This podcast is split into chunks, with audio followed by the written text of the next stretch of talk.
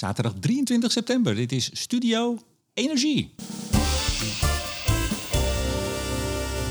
Met vandaag een nieuwe aflevering van de Studio Energie Marktupdate. De show over wat er op de energiemarkt gebeurt en waarom. Met de marktanalist van Nederland, senior energie-econoom bij Publieke Zaken, Hans van Kleef. Goeiedag. Goeiedag. En Studio Energie wordt mede mogelijk gemaakt door de vrienden van de show Stedin, Neptune Energy, Lightsource BP, Koninklijke FMW en Eneco. Goed je weer te zien, Hans. Ja, wederzijds. Vorige keer uh, via een lijntje. Ja, nu weer uh, tegenover gewoon elkaar. echt. Ja, in het, uh, het pittoreske Apkoude. Is toch fijner, hè? Altijd fijn. Wij zitten hier op woensdag. En ik zeg dat er even bij. Ja. Mensen hebben net gehoord zaterdag, woensdag. Wij nemen het voor ons te doen vrij ruim van tevoren op. Ja, voor markten eigenlijk ook helemaal niet handig. Dit is de goden verzoeken. Ja, Maar goed. ja, er gaan hele gekke dingen gebeuren donderdag en vrijdag. En als mensen dit horen, denken ze... Ja, die van Kleef. dat is- Ja, wat, kletst die nou? Ja. Ja, maar onze agenda's liepen een beetje anders. We doen het nu. En het kan zijn, dat zeg ik even bij, even serieus.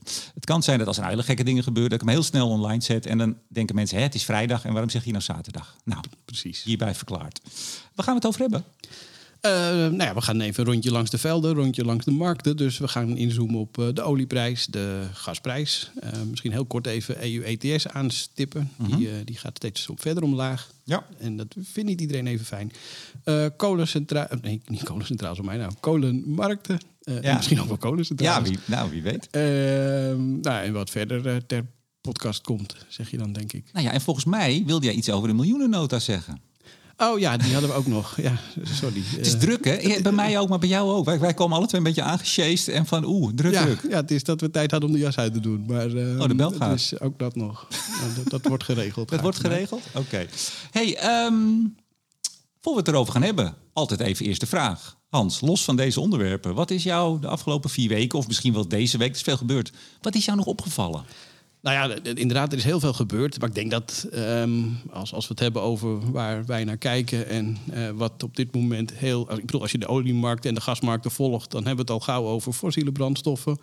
En fossiele subsidies is natuurlijk iets wat veel langskomt. En ja, ik denk dat het toch wel opvallend was dat eh, Jetten, minister Jetten moet ik zeggen, eh, met zijn eigen ramingen kwam, met zijn eigen eh, prognoses hoeveel we daarvan hebben. En hij heeft eh, ja, toch ruim 6 miljard meer gevonden dan die NGO's. Dus Ja, en nou heeft hij ook al gezegd, we, we hebben al wat afgeschaft, we gaan nog wat afschaffen. En ter waarde van hoeveel is dat? Ook ongeveer 6 miljard. dus we zitten weer op hetzelfde punt. Ja, mooi hè? Ja, Ja. ja, fascinerend. Ja, En dan hebben we het over subsidies die geen subsidies zijn. Ehm, ja, ik, ik, ik blijf het een fascinerende discussie vinden. ik hoop, ik moet altijd een beetje uitkijken, maar ik hoop hier volgende week een podcast over te hebben. Kijk, Ja, en zo niet, dan misschien later, maar het, het, het hangt nog even. oké, nou, ik eh, ben heel benieuwd. En dan met iemand die daar echt heel veel verstand van heeft. Dat, dat hoop ik wel. Ja, Ja. nou, nou ja, dat is natuurlijk het interessante. Ja, sowieso de vraag wie luistert er naar. eh, nou ja, de trouwe luisteraars van, eh, van Studio Energie en de vrienden van de show, uiteraard.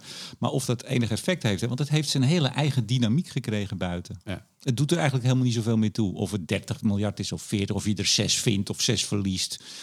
Nou, wat ik zelf fascinerend vind eh, over die hele discussie is dat het eigenlijk helemaal niet meer gaat over wat, waar het eigenlijk over zou moeten gaan. Eh, en en eh, ik doe de laatste dagen, laatste weken veel presentaties, veel eh, klantgesprekken. Gewoon eh, mensen, bedrijven die, die continu dag in dag uit met die transitie bezig zijn. en, en af en toe is het dan goed om eens uit te zoomen en, en te kijken waarom doen we het ook alweer. Eh, en en nou, dan zeg ik dus, we hebben een mondiaal probleem. Mondiaal willen we die temperatuurstijging beperken. Officieel onder de 2 graden.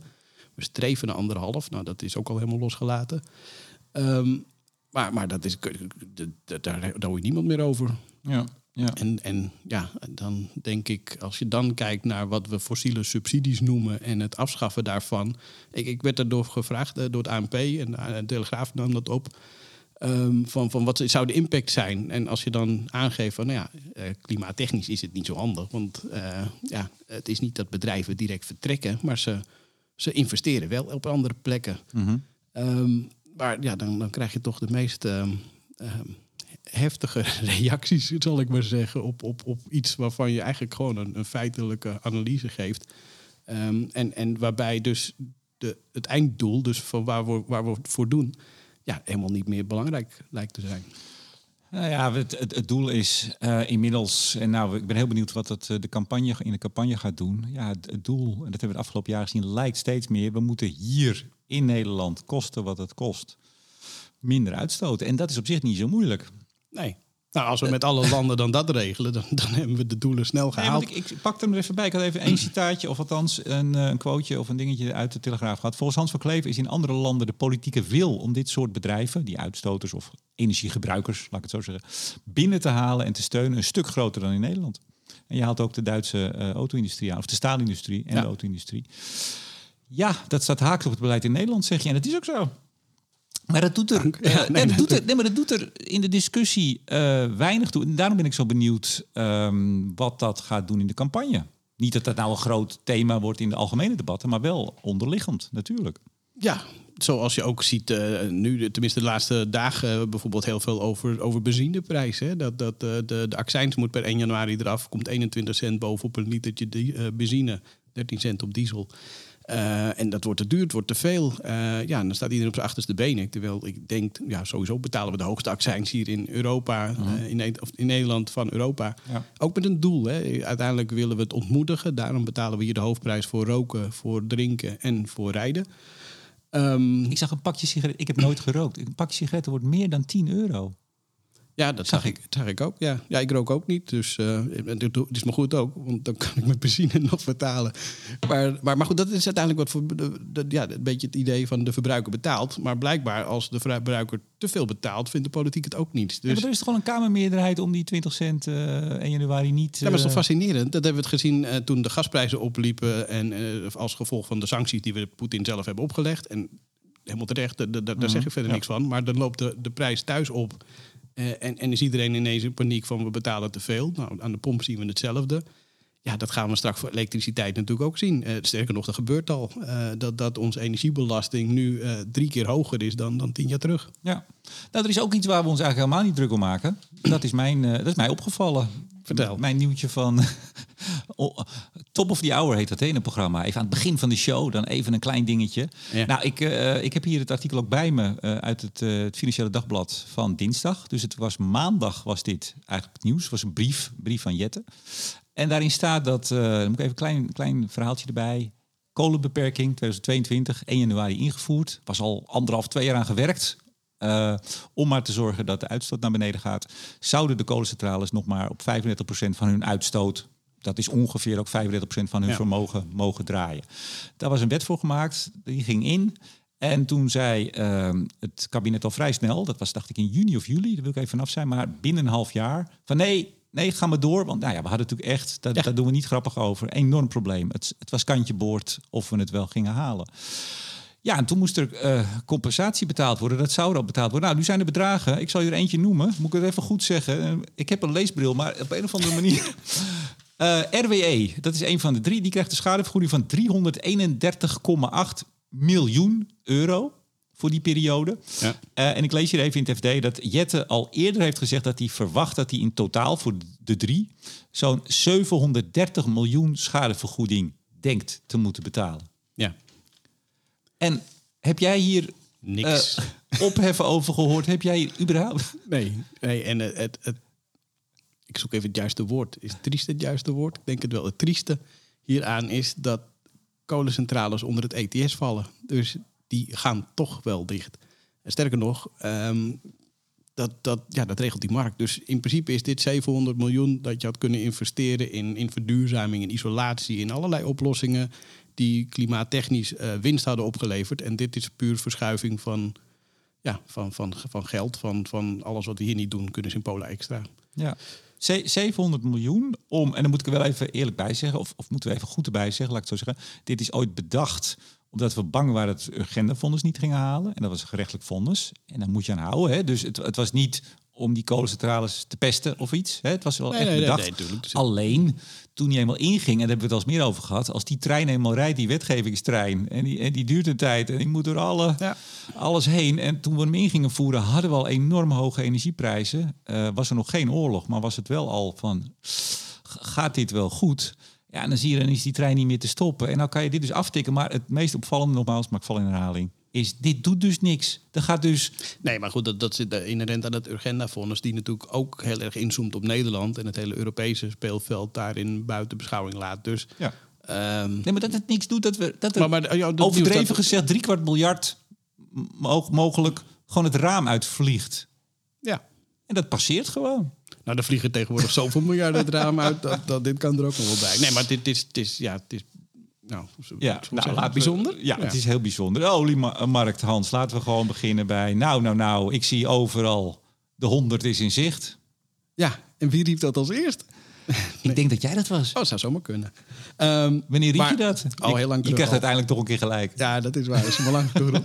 Nee, maar ja, die, die prijs loopt op. Ehm, en, en eh, de Laat argumenten... me niet vragen waar we nu staan. Was het zaterdag geworden, dan is het... Nee, ik eh, had het net nog. Ik was vergeten op te schrijven. Dus ik ben 93 net als een gek nog even alles opgeschreven. Maar dat slaat natuurlijk nergens op. Maar we, we kruipen langzaam richting die, die 100. Je ziet een mooie... nou, mooie. Je ziet een gestage lijn. Ja. Als je de afgelopen weken kijkt. En meestal is dat de reden om nerveus te worden, want zo'n lijn gaat nooit heel lang door. Maar eh, vooralsnog eh, stijgt die rustig aan eh, omhoog. En sterker nog, sommige type olie die, die zit al boven de 100. Hè. Dus als je wat meer naar de, de, de, de, de, wat, wat vuilere ehm, eh, olie kijkt, in, een beetje in het Midden-Oosten, dan sommige van die blends die zitten er al boven. Eh, WTI, West Texas Intermediate, die zit op, op, op 91, zo'n 3 dollar lager. Eh, maar al met al, al kruipt het die kant op. En dat is op zich niet zo gek, want eh, het aanbod wordt gedrukt door met name Rusland en Saudi-Arabië. Die hebben net hun productieverlaging, die is elke keer per maand doorschoven, met drie maanden doorgeschoven. Dus tot eind van het jaar houden ze in ieder geval 1,3 miljoen vaten van de markt. Ehm, maar tegelijkertijd zie je dat die vraag naar olie gewoon doorgroeit. Dus die zit op dit moment zo'n 102 miljoen vaten per dag ruim. Ehm, en dat betekent dat er, een, dat er een tekort ontstaat. en afhankelijk van of je het IEA vraagt of dat je het, eh, de, de, de OPEC vraagt, eh, verschilt die, die, die volume een beetje, maar gemiddeld genomen. OPEC, ja, daar is hij. Eh, maar ze, ze verwachten dus een tekort van zo'n 2 miljoen vaten per dag in het laatste kwartaal. Nou, is op zich dat niet zo'n ramp, want er zijn natuurlijk reserves, strategische reserves en, en reserves bij andere eh, partijen. Dus die, ehm, die, eh, een, een korte termijn tekorten kan je opvangen. Maar ja, je reserves nemen af. En als dat tekort te lang aanhoudt, dan, dan gaan die prijzen weer omhoog. Ja, maar, Dus ook de prijs aan de pomp. En dan krijgen we Ja. die discussie weer. maar even. Jij zei OPEC en ik start er met graagte in. Want ik wil het graag over Ja. OPEC hebben. Ik heb van allerlei dingen gelezen. En ik, ga, ik zit nu bij de man die weet hoe het zit. Och jee. Ja, ja, Ik heb ja. altijd het idee dat jij nu beter voorbereid bent dan ik. Dus dit eh, Even kijken. voert de druk op. Nee, ja. Rusland heeft belang bij een hoge prijs. OPEC plus lid. Ja. Ja.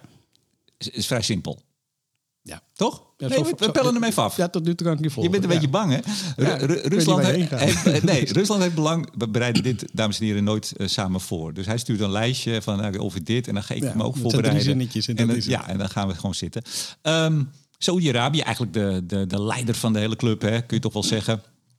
Eh, nou, die vindt het ook goed, want anders zouden ze die eh, be- be- productiebeperking niet nog eens drie maanden doorrollen. Dus die vinden het ook goed. Maar nou komen we er. Eh, ik begrijp dat Kijk, het is altijd de afweging. eh, ehm, als die prijs veel hoger wordt, krijg je ook vraaguitval. Dus zij hebben belang bij een soort stabiele, nou, liefst hoge prijs. Ja. Klopt, hè? Ja. Deze is vrij hoog al boven de 90. Dat is als je, als je kijkt er naar... vanaf waar je het vandaan kijkt. Ja. Nou, als ik gewoon de afgelopen 50 jaar kijk, dan is het een vrij, Oh, zo. hoog- Ja, ja, ja. vrij, Nee, vrij wel- hoge prijs. Ja. Nou begrijp ik dat, dat een van de redenen, maar dat, dat- daar zitten we nu voor. eh Saudi-Arabië heeft hele grote projecten op stapel. En wil diversificeren, wil eigenlijk weg van de fossiel. Heeft er enorme... Zelfs de voetbalcompetitie, las ik in een van de kranten, wordt aangehaald... waar ze honderden miljoenen in stoppen. Toerisme, ja. Nou, toerisme, ja, van alles. Ehm, dat ze daarom nu eigenlijk een hogere prijs... nou ja, zelf ook willen opdrijven, zo gezegd... omdat ze het gewoon ook nodig hebben. Klopt dat?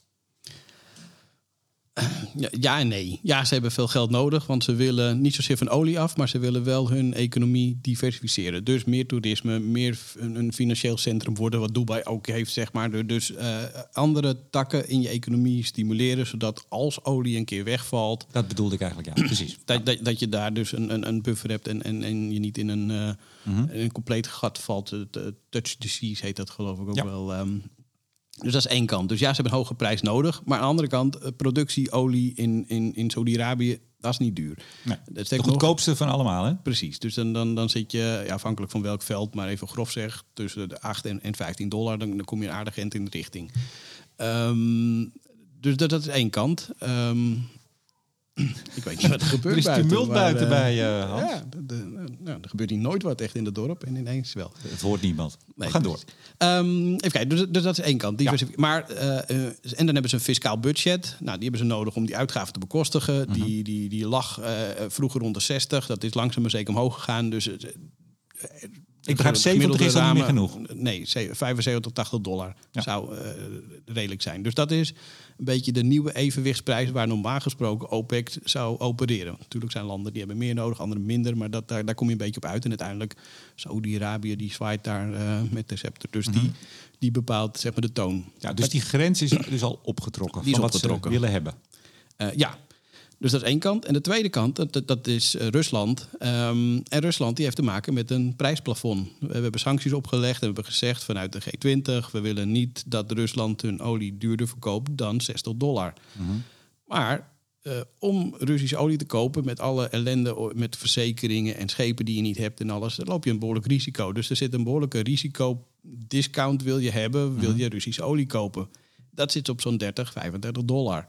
Dus eh, om voor de Russen maximaal van die 60 dollar te profiteren, moet die prijs ook 95, 30, deze kant 95. op. Dus dat is eigenlijk zeg maar de onderliggende eh, eh, reden. En nou ja, goed, dan, dan heb je de andere kant eh, dat vroeger Biden, Amerikanen natuurlijk ziet hadden we willen die prijs zo laag mogelijk. Maar ja, die, die, die zitten hier een beetje in de spagaat tussen de Saoedi's en, en, en alle andere belangen. met betrekking tot Rusland, Oekraïne en noem alles op. Mhm. Eh, verkiezingen komen eraan, dus dat wordt wel interessant in, Ja. de, in de VS, maar dat is pas eind volgend jaar. Ehm, dus eh, ja, op, op die manier zie je dus op- ja, dat er nu een evenwichtsprijs lijkt te zijn, zo ruwweg eh, rond de 90, 100 dollar. Dus als we te ver doorschieten, ja, dan zal het inderdaad wat leiden tot vraaguitval. Maar over het algemeen eh, wordt de vraaguitval redelijk opgevangen door een hogere prijs. Dus Ja. Ik, ik denk niet dat de Saoedi's daar nog heel erg wakker van liggen. Maar ze waren vroeger ook wel wat beducht voor... Kijk, als die prijs stijgt, dan worden allerlei andere eh, olieprojecten in andere landen worden ineens rendabel. Schalieolie in Amerika. Ze waren Ja. altijd een beetje bang dat als het echt te hoog op zou lopen... dan zou er weer een boom in Amerika ontstaan. Daar zijn ze niet meer bang voor. Nee, nogal wie dus. Omdat al, omdat al die internationale oliemaatschappijen, zodra ze aankondigen dat ze willen investeren, meteen al die NGO's op hun dak hebben. Dus die investeringsdrang eh, of, of behoefte, de ja, behoefte is er nog wel, maar er is een behoorlijke rem om opnieuw te investeren. Wat dan wel weer fascinerend is, want de mondiale vraag naar olie stijgt gewoon nog door. Dus. Ehm, Maar, ja, da- maar daar zie je dus, en laten we even NGO, want het lijkt zo alsof die het in hun eentje doen. Maar dan, Nee, nee, maar het is, niet- het is niet alleen dus- NGO's, maar het, is Ja, natuurlijk... nou, Biden het- ook zelf, hè? Biden met, met zijn wetgeving, Ja. met, met, met eh, het, minder afgeven van maar vergunningen. dus, dus met Dus je- beleid plus NGO's. precies. Dus uit, vanuit sociale druk, dan wel politiek, dan wel NGO's... zie je dat die bereidheid om te investeren in fossiele brandstoffen... heel erg snel afneemt, terwijl de vraagkant dat niet doet. En op het moment dat dat dus een prijseffect heeft, wat niet zo gek is... want ja, we vragen met z'n allen minder te investeren... dus dan loopt die prijs op, als je het wel blijft gebruiken... Mhm. Eh, en daar raken we weer met z'n allen verslag van... hé, die prijs loopt op, het is slecht voor de economie... en de mensen die, die, die arm zijn, die worden geraakt en, en, Ja. enzovoort. En dat, dat klopt natuurlijk ook. Maar zoals ons dus ehm, kunnen we achteraf vaststellen, sommigen zagen het al vooraf, maar in ieder geval achteraf eh, ons hebben uitgeleverd aan Rusland als het over gas gaat, hebben we in ieder geval onze, ons de mogelijkheid om de markt te beïnvloeden, heeft Amerika dus eigenlijk mede daardoor uit handen gegeven. Ze voelen, de Saoedi's voelen zich steeds sterker worden, dat zij veel meer de, de prijs kunnen zetten dan voorheen. Nou, dat, dat deden ze toch wel, omdat zeker de Saoedi's natuurlijk eh, de, de, de echte swing producer eh, waren en zijn, eh, maar zeker ook waren. Ehm, en ja, er waren altijd veel geluiden van, ja, Amerika is dat nu natuurlijk ook met schalieolie. Eh ik, ik ben het daar niet helemaal mee eens, omdat investeringen in schalieolie wel heel snel op markten reageren, maar niet vooruitliepen op de markt. Mhm. Waar de Saoedi's dat wel willen. Dus eerder productie verhogen of verlagen om die markt te sturen. Eh, dat, dat, dus in die zin is Amerika altijd nog volgend, maar reageerde wel heel snel. Dus als er al een aanbodprobleem was of die prijs liep te ver op, dan had je redelijk snel een reactie waardoor die markt zich corrigeerde. Ja, Zeg maar de, de varkenscyclus, les Mhm. 1 economie. zeker. Ehm, en, en dat zie je nu een stuk minder. En, en dat, dat, dat zie ik ook echt wel als een van de grootste uitdagingen voor de komende jaren. Van, van, eh, de, aan de ene kant de wil om er zo snel mogelijk vanaf te gaan. En aan de andere kant de noodzaak om, eh, om, nog even door te blijven gaan. Ja. Ik, ik las nog twee eh, mogelijke redenen. Die kunnen we misschien iets korter doen. Eh, er gaat nog een stukje van eh Saudi Aramco gaat de markt op. Er wordt verkocht. Ja, En daar zouden ze zo'n 50 miljard voor willen hebben. En dat gaat wat makkelijker om dat op te halen bij een hoge olieprijs. Is dat een, zij dat houdt? ja, ja, dat hoor je vaker. Maar goed, we hebben het over een, een 1, 2, 3 procent van, Ja. van, van Saudi Ramco. Dus het, eh, het blijft... En, en dan 50 miljard, hè. Dat is bizar. Ehm, Oké, ik, Ja, ik, dat- zie, ik zie genoeg. En ik hoor genoeg aan je stem eh, om te weten. En een, een andere, dat vond ik wel interessant. Eh, dat er wat ruimte wordt gemaakt hiermee voor eh, toetreding weer tot, eh, van Iran tot de oliemarkt. Eh Saudi wil dat atoomprogramma eigenlijk ook eh, killen. Eh, en als ze een deal kunnen maken dat ze in plaats daarvan, of in ieder geval als soort compensatie, de sancties wat worden opgeheven en ze olie mogen exporteren op de wereldmarkt, dan zou er nu wat ruimte worden gemaakt alvast in de prijs. in de prijs of in het aanbod? Nou, aanbod beide. lijkt me logischer. Ja, ja maar daarmee, bedoel, daarmee Rusland en Saudi-Arabië halen nu 1,3 miljoen vaten van de markt. Dat is ongeveer wat Iran extra heel snel zou kunnen doen. Ehm, die, die, die ruimte in de markt is er volgens mij sowieso wel. Oké. Ik, ik bedoel, Nou, er wordt helder. te weinig geïnvesteerd elders. Dus eh, Ja. dat, dat, Kom, komt u maar, Iran. maar het, is wel dat op het moment dat Iran natuurlijk flink eh, gaat exporteren... en het is even de vraag hoe snel ze dat kunnen opvoeren. Ehm, maar, maar ervan uitgaande dat dat redelijk snel kan... ja, dan komt er meer olie, dan komt er dus ook extra prijsdruk. En ja, dan heb je een buffertje waar je dat door op kan vangen. Dus dat, dat helpt mee. Maar ik denk dat de voornaamste reden voor de huidige olieprijs is, is toch Rusland. Helder. Hey, ik kom nog een heel klein berichtje tegen. Ja, een klein, nou ja, klein bij Bloomberg. Ik, ik heb nog in Nederland gezocht dat er iets met, met Shell in Pernis was. Dat er een, een klein incident of iets was, waardoor er wat uit lag. Niet gezien. Shell suffers unplanned outage at Europe's biggest refinery. Dat was eh, volgens mij al maandag. Ik zag nog een update bij, bij Bloomberg eh, dinsdag. Nou, als jij het niet weet, dan is het gewoon niet gebeurd. Eh, nee, jawel. Oh, nee, dat zegt... Nee, maar niet iets wat impact heeft op de markt dus. Nou, uiteindelijk wel, maar goed, als het er eh, even, even kort uit. Ik bedoel, Ja, ik, nee, maar, ja, het is gek. Nou, als Bloomberg het brengt, die kunnen meer brengen de hele dag. Dus ik dacht, nou, dat is wel. Maar ik, ik kon het verder nergens vinden. Maar dat ligt misschien aan mij. eh, nee, ja, ik heb er niet naar gezocht. Dus Nee, ja, maar ja, als jij het niet weet, dan dit is voor de luisteraars is dit genoeg. Oké, Niet belangrijk. daarbij. Word ik dus zaterdag uitgezonden, is het toch een drama? Ja, maar dat weten we pas morgen. ja, dat, dat is waar. Eh, en, en voor de luisteraars dus twee dagen terug. ja, zullen we naar het gas gaan? Ja, is goed. Hoe, hoe staan we met eh, de gasprijs, Hans? Nou, eh, die, die eigenlijk redelijk, redelijk stabiel. En, en, en eigenlijk is dat wel, wel interessant om te zien. Want ehm, je zou verwachten... Nee, laat ik het anders zeggen. De gasvoorraden zijn, zijn bizar goed gevuld. Hè. We zitten op, op ruim 95% in Nederland. We zitten op, op 94% in Europa. Ruim voor de deadline boven die 90%. Ehm, dus ja, ja, veel beter voorbereid dan dit kan je niet zijn.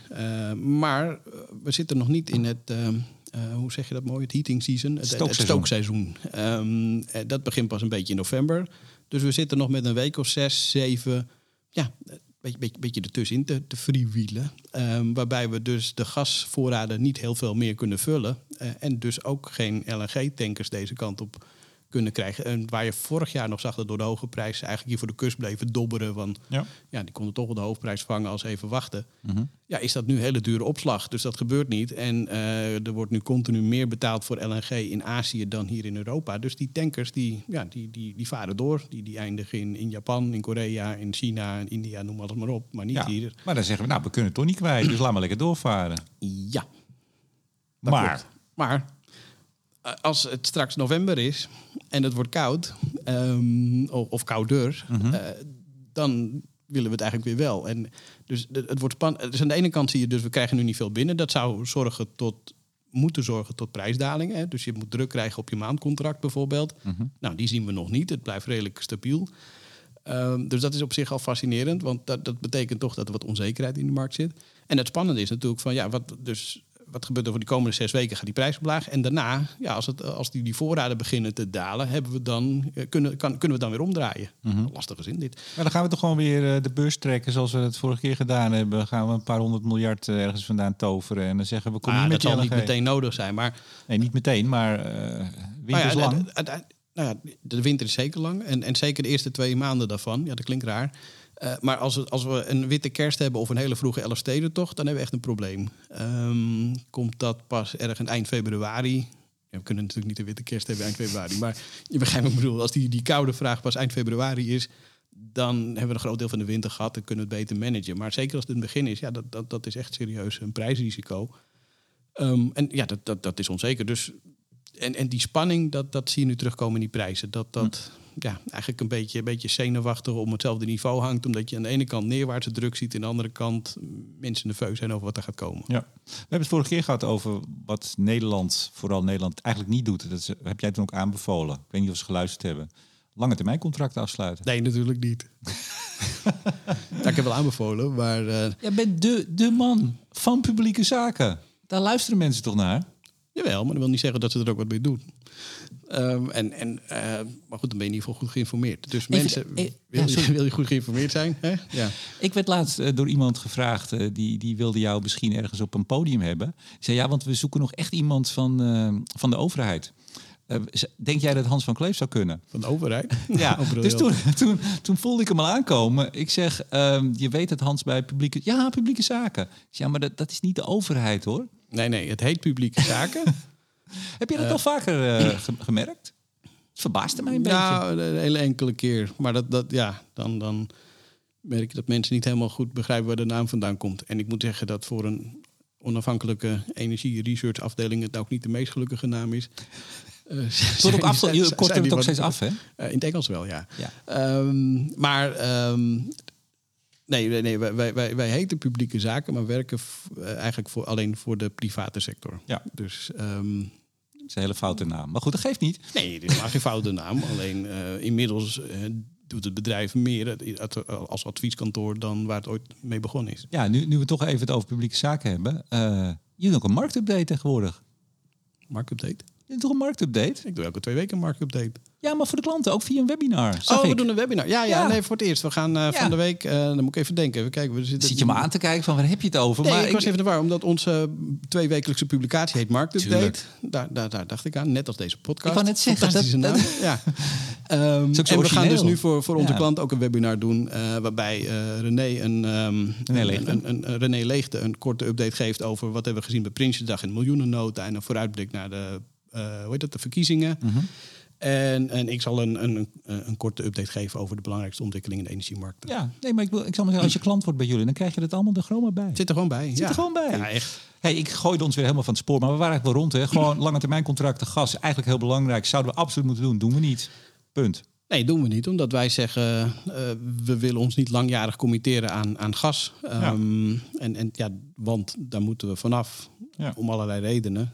Eh, maar tegelijkertijd, en dan kom ik toch weer terug op de paniek die je ziet op het moment dat die prijzen iets oplopen, biedt het wel een mooie verzekering. En ja, Ja. zoals met iedere verzekering, misschien betaal je iets te veel, maar als je het niet hebt, betaal je nog veel meer. We doen het niet, Hans. We gaan hier over een tijdje gaan een podcast over maken. Waarschijnlijk wel. Dan heb ik een krantartikel voor me met hoeveel miljoen, eh, miljard we hebben mogen aftikken. En dan, nou ja, goed. hey, we gaan nog Als we gewoon... geluk hebben, hè? want uiteindelijk eh, kan het ook zomaar zijn dat we het niet in kunnen kopen omdat de Chinezen nog meer aftikken. Ja, en dan, nou, dan hebben we een heel prachtig, eh, eh, ik noem het maar even mijn eigen woorden, een rantsoeneringsplan hebben we. Ja. Er het eerst afgeschakeld wordt. Klopt. Dat we het hier nog eens over zouden hebben. hè. De CO2-prijs, Hans, hoe gaat het daarmee? Nou, die zakt. Die, eh, die, die kruipt langzaam maar zeker omlaag. Waar olie omhoog kruipt, kruipt CO2 omlaag. Dus we gaan langzaam richting de 80, dollar, sorry, 80 euro per ton. Eh, en dat is eigenlijk een trend die we al een paar maanden zien. Dus dat we geleidelijk steeds ietsje lager gaan. En 80 is wel een beetje een, een, een technisch bodempje. Dus wat je vaak ziet is dat vanaf dat niveau eh, beleggers met name weer interessant vinden om wat van die rechten te kopen. Om, om uiteindelijk winst te maken. Maar dat, dat, ja, ik denk dat het dit keer wel eens anders zou kunnen zijn. Dat we verder zouden kunnen dalen. Eh, zeker op het moment dat energieprijzen verder gaan stijgen deze winter. Want dat betekent dat de industrie deels afschakelt. En ehm, eh, ja, du- dus minder rechten nodig heeft. Eh, en tegelijkertijd zien we als het, als het hard waait en, en, en en de zon nu zal dat steeds minder gaan schijnen. Maar eh, ja, de opbrengst van hernieuwbare energie neemt ook toe. Dus ook Ja. vanuit de utility kant ehm, zie je daar druk ontstaan. Eh, en ja, als die kolencentrales naast hun vergoeding nog iets meer kunnen doen... eh, dan, dan, ehm, dan, dan zie je wel een vraag naar die rechten. Maar als dat niet zo is, ja, dan, dan geeft dat ook extra prijsdruk. Ja, als ik kolencentrale was, zou ik gewoon zeggen, nou, ik ga gewoon wel dicht. Alle mensen naar huis en geef maar een paar honderd miljoen. Ieder jaar. Ik bedoel niet eenmalig. Gewoon.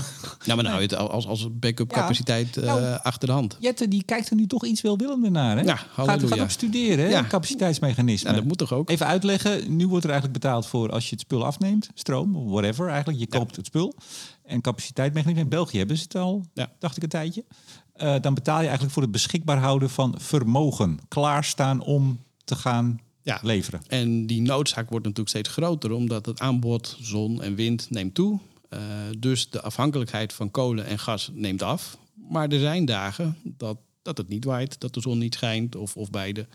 Uh, en dat je dus dat nog wel nodig hebt. En die, de, de, het blijft altijd een x aantal dagen in het jaar dat het is. En zolang we geen opslagmechanisme hebben waarbij we elektriciteit uh, voor langere tijd kunnen opslaan voor dat soort dagen. Ja, dan is het toch wel verrekte handig als we nog beschik, beschikking hebben over uh, bijvoorbeeld gascentrales. Maar die moeten dan of de hoofdprijs vragen in die paar dagen dat ze kunnen draaien.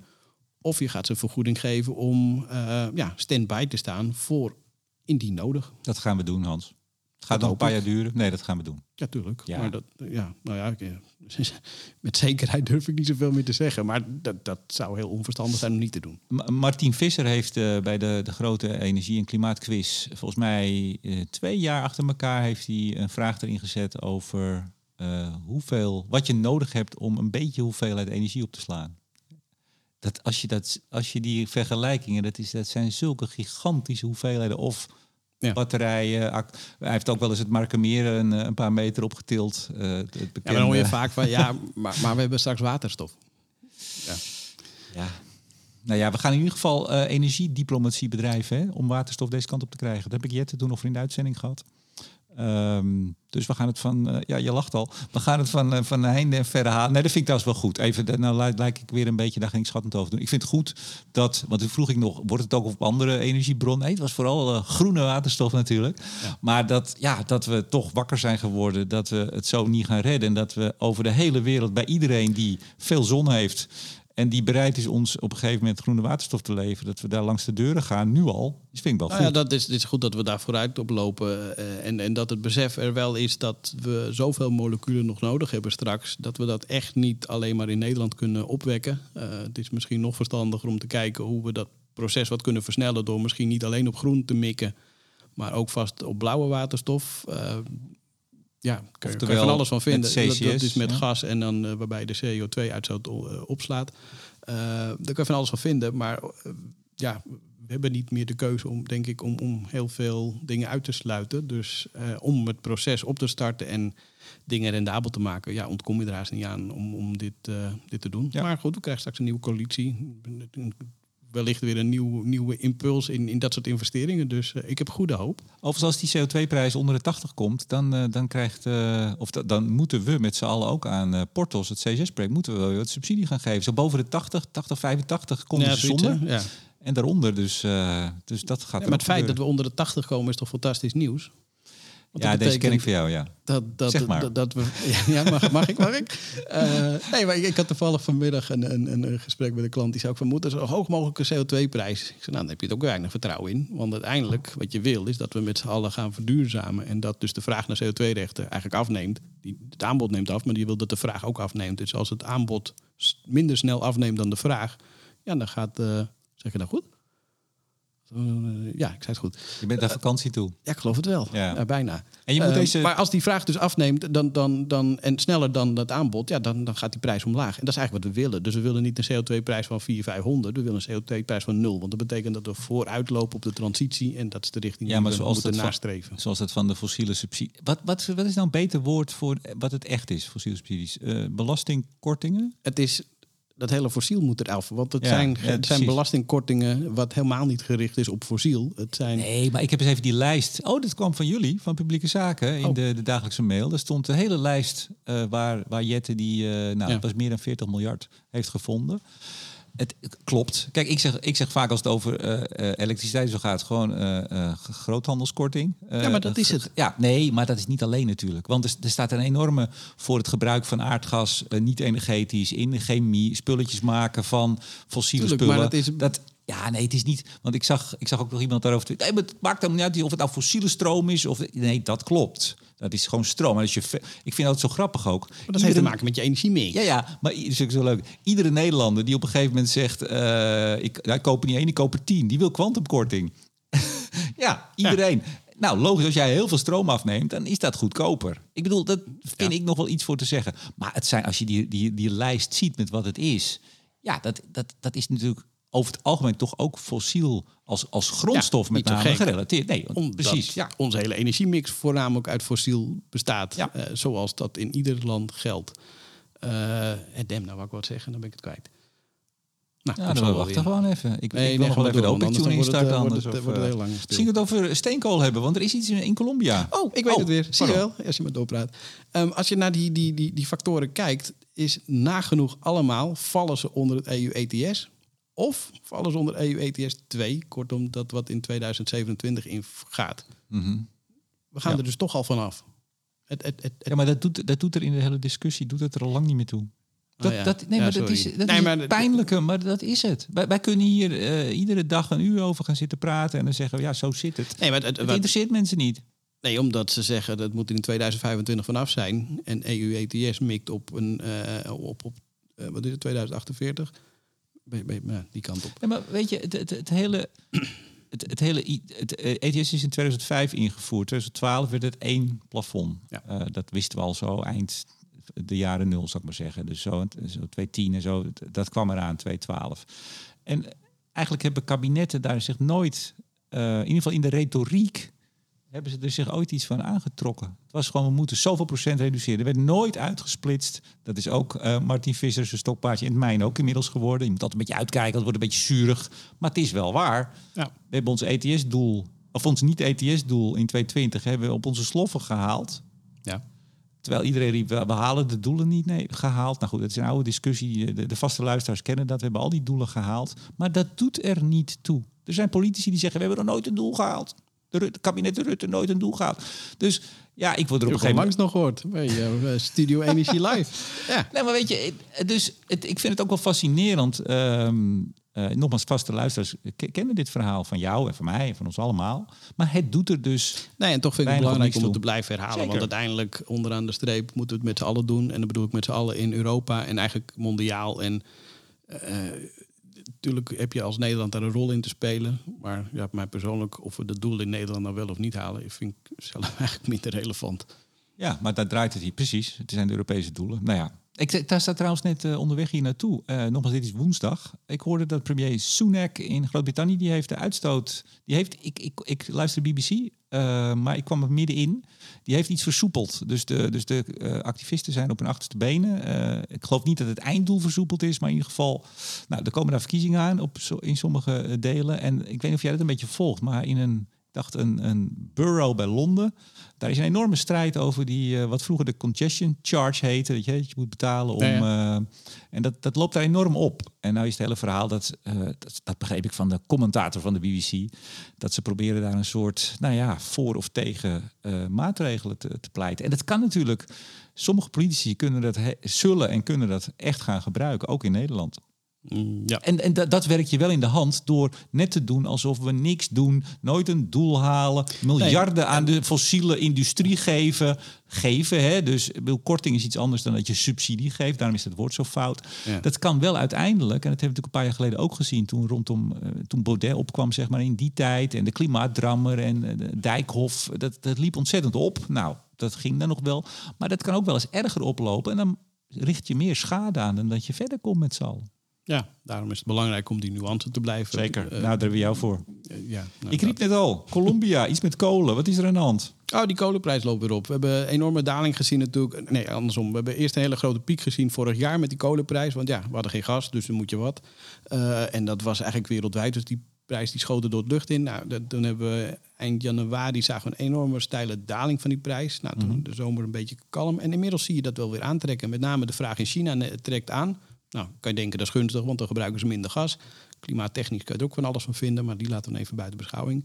Eh, en het aanbod vanuit Colombia, die, die staat ook wat onder druk. Vraag me niet precies waarom, maar dat, ehm, dat, dat, dat- daar waren wat, wat Problemen met de aanvoer, zeggen we dan eh, neutraal. Precies. Dus maar al met al zorgt ervoor, en dat is dan wel weer interessant, dat die kolenprijs ook omhoog loopt. En nou ja, goed, eh, en, en dat, dat vertaalt zich tot nu toe nog weinig in de elektriciteitsprijs, want dat, daar telt alles zich natuurlijk bij elkaar op. Eh, en, en daar middelt het een beetje uit. Dus we zien kolen iets omhoog, gas een beetje stabiel, ETS omlaag. En ja, elektriciteit doet dus op dit moment Ja. niet zoveel. Maar eh, ja, dat, dat, dat is... eh, Ja, RWE heeft weer 331 miljoen overgemaakt gekregen. Dus ik kan wel weer een beetje leien. Hè? Kolenprijsje, toch? Ja, precies. Ja. Miljoenennota. ja, Wat wil je erover zeggen? Nou ja, ik, ik heb hem niet helemaal door, doorgespit, maar er viel een paar dingen op. En dat was... oh, je hebt hem gewoon helemaal... dat is mijn lijstje. Ja, Oh, Oké, ja, nee, die had ik. Eh, Ja, dan pak ik hem weer terug. Ehm, Ik zag, maar- jou, ik zag jou een beetje in je ogen enige schrik van heb ik het wel hier goed? Ik dacht ik geef je even mijn Ja, mooi ja, ja, nee, maar, maar wat je vooral zag, e- even samengevat, is dat de belasting op elektriciteit weer verder is verlaagd. De belasting op gas verder omhoog. Want dat, eh, dat, dat willen we blijven ehm, ontmoedigen.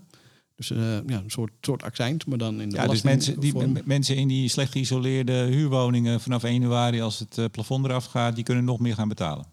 Ja, maar dan zeggen we wel van je bent, je bent lekker ontmoedigd. Eh, dat er geen alternatieven zijn misschien voor die mensen, dat is dan jammer. Maar dit is misschien heel erg cynisch. Nee, maar ik heb die, ik heb die podcast onlangs gedaan over energiearmoede met, eh hoe heet die van TNO? Ja. Nou, ik even zijn naam kwijt, sorry.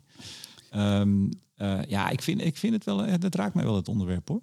En Ja, natuurlijk, nee, maar en dat, dat, dat, dat vind ik ook het lastige eraan. Van, ja, je kan dingen willen ontmoedigen, maar op het moment dat de alternatief er niet is of niet te betalen is voor heel veel mensen, ja, dan, dan wordt het wel een beetje een politiek statement voor- voor- waar, waar, mensen niks mee kunnen. En, en daar heb ik moeite mee. Nou ja, je kan, je, kijk, je kan natuurlijk zeggen, want ik, ik zei het ook even een beetje kort door de bocht. eh, je ziet nu dat alle partijen bijna inzetten op, eh, eh, ja, ze noemen het allemaal een beetje anders, maar het komt op neer. We gaan de zwaksten in de samenleving beter helpen. Hè? Ja. Dus dan komt er wel weer ja, een, een extra uitkering, want die, die 1300 euro geloof ik, die, die gaat ook niet door. en hè, dan hoop je de- dat je dat via de inkomenskant doet en niet meer eh, via de, de andere kant. En aan de ene kant snap ik het. Sterker nog, ik bepleit zelf altijd dat de transitie eigenlijk grotendeels vanuit de vraagkant moet komen en niet vanuit de aanbodkant. Mhm. Maar dan moet het wel kunnen.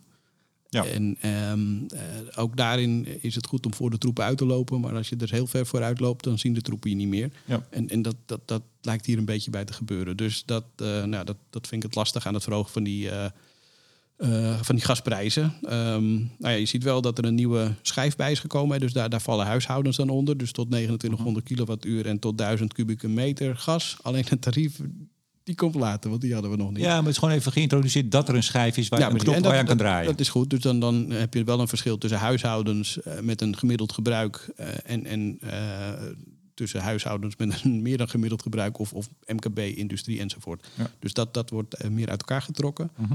Nou ja, prijsplafond, wisten we al, gaat eraf, dat blijft staan.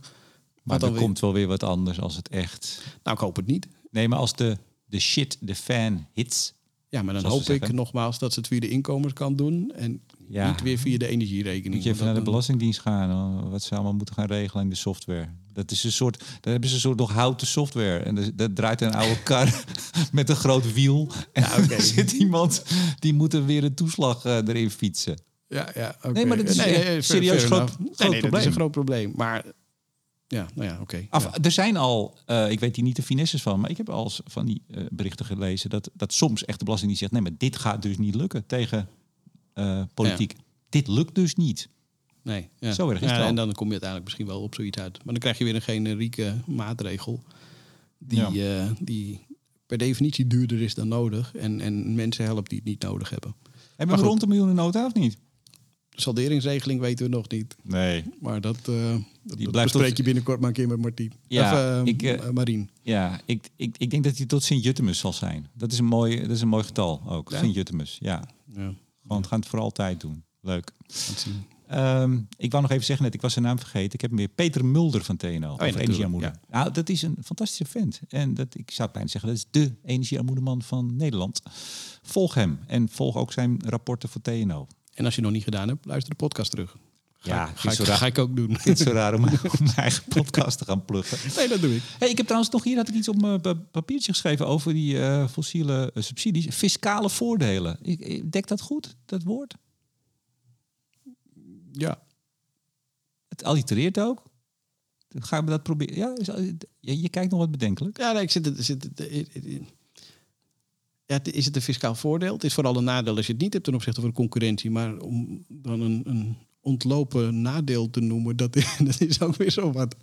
Fiscaal voordeel. Nou, hou het voorlopig daarop. En Nou ja, nee, kijk, denken als- we een maand na over een betere als jij als hele grote energie eh, stroomgebruiker dezelfde prijs als, als jij en ik eh, moet betalen, dan eh, ga je Nee, oh nee, dat, dat wel. Maar dus ik- je hebt een bedoel- voordeel omdat je zo veel gebruikt, krijg je korting. Nou ja, jij een kijkt naar groot en klein verbruik. Ik bedoel meer van als je het in Nederland wel zou afschaffen en in Duitsland niet. Daar, daar, daar keek ik maar naar. Dus dan, Ja, dan is het meer een on- ontlopen nadeel. zeker. hey, we gaan zo'n beetje afronden. Waar kijk jij? n- Kijk. Kijk, waar kijk je naar uit? Ik, ik, ik lijk een beetje Henry Bontebal. Ik nee, die, die heeft zo... Dat vind ik zo leuk. Hij gaat goed, hè? Ja, ja ik, ik, ik, eh, ik, ik, zie het een en ander, maar eh, ja. Nee, ik zag eh Sander Wallis Ik heb de peilingen niet gezien. En, Nee, en uiteindelijk ja, wordt je dat- daarop dat- afgerekend. dat- Nee, wel nee. Die zijn, die, die, slechter kan niet. Dus als, er maar iets, als het niet zo slecht gaat, heeft het goed. Nee, Sanne Wallis de Vries, die eh cabaretier mevrouw. Die Ja. zat bij een van die talkshows, ik dacht bij Humberto. En die is helemaal fan van, van, eh, van Henry. En die had het ook over zijn accent. En zij is volgens mij Rotterdams, of ze kan het goed nadoen. Ik kan dat niet. En met dat kijk, dat is natuurlijk ook geen Rotterdams. Maar daar moest ik eens aan denken. En zij is helemaal, helemaal gek van hem. Oké. Dat vond ik zo leuk. Ja, dat is toch mooi? Dan kan ze hem ook wel een beetje promoten, toch? Nou, dat, dat, gebeurde, Oh, dat dat gebeurde daar behoorlijk. Maar ja, dat gaan we natuurlijk wel zien. En ik neem eigenlijk vast een voorschotje. Nee, jij eerst. Ik ga straks zeggen waar ik naar uitkijk. Waar kijk jij naar uit? Eh, nou, als ik hem heel plat sla, eh, naar mijn vakantie. eh. Hemel, je, Jillis bereidt het nooit voor. Jij roept altijd wel iets, iets in de privésfeer. Nee, nou ja, nee, nee, de zakelijke heel veel. Maar goed, we hebben een paar dingen genoemd. De gasprijs de komende zes weken is super interessant. Gaat die olie naar de 100? eh, heel erg benieuwd. Gaat die ETS-prijs door het, door het, hoe zeg je dat, door de bodem? Doet Pernis het nog? Ja, dat, ook, ja, ja precies. Dat, dat willen- maar dat weten de mensen al op het moment dat ze luisteren. Zeker. Ehm, dus nee, er zijn heel veel spannende dingen in de markt eh, eh, die, die, die gaan spelen de komende periode. We krijgen natuurlijk de verkiezingen in november. Nou, dat is een beetje de, de, de, de voorzet die jij eh, misschien eh, doet. Eh, de, de, de- en, en dat heeft veel, veel gevolgen voor klimaatbeleid, voor de energiemarkten. Dus nee, er, er zijn heel veel spannende dingen te gebeuren. Maar eerst mijn vakantie. Ja. Wil je met luisteraars delen waar je heen gaat? Of zeg je nee, ik ga helemaal anoniem? Dat ga ik niet zeggen. Dat, kan Oh nee, dat mag. Ik bedoel, jij was naar Italië, Jillis was in Italië. Dus ik denk, eh, ik, ik, ik kan niet achterblijven. Dus goed, eh, ik ook. goed. Ik ga alleen naar een eiland en niet naar de bergen. Maar je, over een maandje ben je er weer, hè? Hier. Ja, ja, Gewoon zeker. achter de microfoon. Heel goed. Nou ja, ik zei het al. Ik kijk erg uit naar de verkiezingen. En dat heb ik wel eens minder gedaan. Eh, maar het is, spannend, hè? Nou ja, het is, het is interessant. En ik vind het vooral, ja, ik kijk natuurlijk nog steeds vooral naar eh, energie en klimaat, maar ook wel breder. Het ligt open. Voor het eerst sinds jaren ligt het nu eens echt open met zoveel nieuwe partijleiders, lijsttrekkers. Ik ben ook benieuwd daarna, want dan krijg je die coalitievorming. Of Ja, moeilijke als het goed proces is wel. Van, van coalitievorming. ja, ik, ik, het zou mij niks verbazen als Rutte volgende kerst er nog zit. Dat, eh, niet deze Volgende kerst. kerst? Nou ja, nou, nou, dat kan wel eens heel lang gaan duren. Ja, ja, dat zou kunnen. Maar ik, ik, eh, waar ik vaak naar kijk, toch is ook, en daarom kom ik op het, eh, het, het heerlijk zangerige accent van, van Henry onder andere. Maar ook de, de leuke aspecten van alle andere nieuwkomers. Die debatten, die echte debatten, de tv-debatten, nou, heel veel mensen kijken niet, maar er kijken nog altijd wel heel veel mensen wel. Ja. Die gaan invloed hebben, meer dan anders. Ja, dat denk ik ook. Zeker de laatste paar dagen. Ja, dan moet je hopen dat je niet een, een, een stom foutje maakt... waardoor je ineens compleet door het ijs zakt. Je weet dat Henry ook een podcast heeft nu? Nee? Nee, serieus? Ja, ik, ik, ik, ik merk dat ik een hoop mis op het ogenblik. Hij, het CDA doet nu eh, eh, iedere week gaan ze even zitten. Eh, of gaan ze, gaat hij met iemand zitten van, ik dacht wetenschappelijk bureau. Eh, le- le- le- leuk gesprek ook. En die zit er een half uurtje, praten ze even bij over. Nou, daar komt alles natuurlijk langs de week, de standpunten. Het is natuurlijk zodat mensen hem leren kennen. Oh, mooi. Ja, nou, het kan Maar niet doen andere goed. lijsttrekkers dat ook? Dat weet ik niet. Dat, een goed voorbeeld doet volgen, zeggen Dat, dan maar. dat, dat weet ik niet. Maar ik ben heel benieuwd. Ik bedoel, straks, straks staat ergens onder de, onder de studiolampen of op een of andere leuke locatie staat, staat in een één op eentje staat Henry Bontebal met Frans Timmermans. Nou, dat, dat- dat, wil je toch zien? Daar wil je toch bij zijn? Nou, bij zijn hoeft niet. Maar eh, ja, zien lijkt me wel aardig, ja.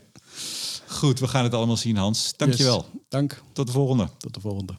En Studio Energie wordt mede... En een fijne vakantie. Dank je. Ja, vergeet ik nog. En Studio Energie wordt mede mogelijk gemaakt door de vrienden van de show... Stedin, Neptune Energy, Lightsource BP, Koninklijke FMW en Eneco. Mijn naam is Remco de Boer. Graag tot de volgende keer.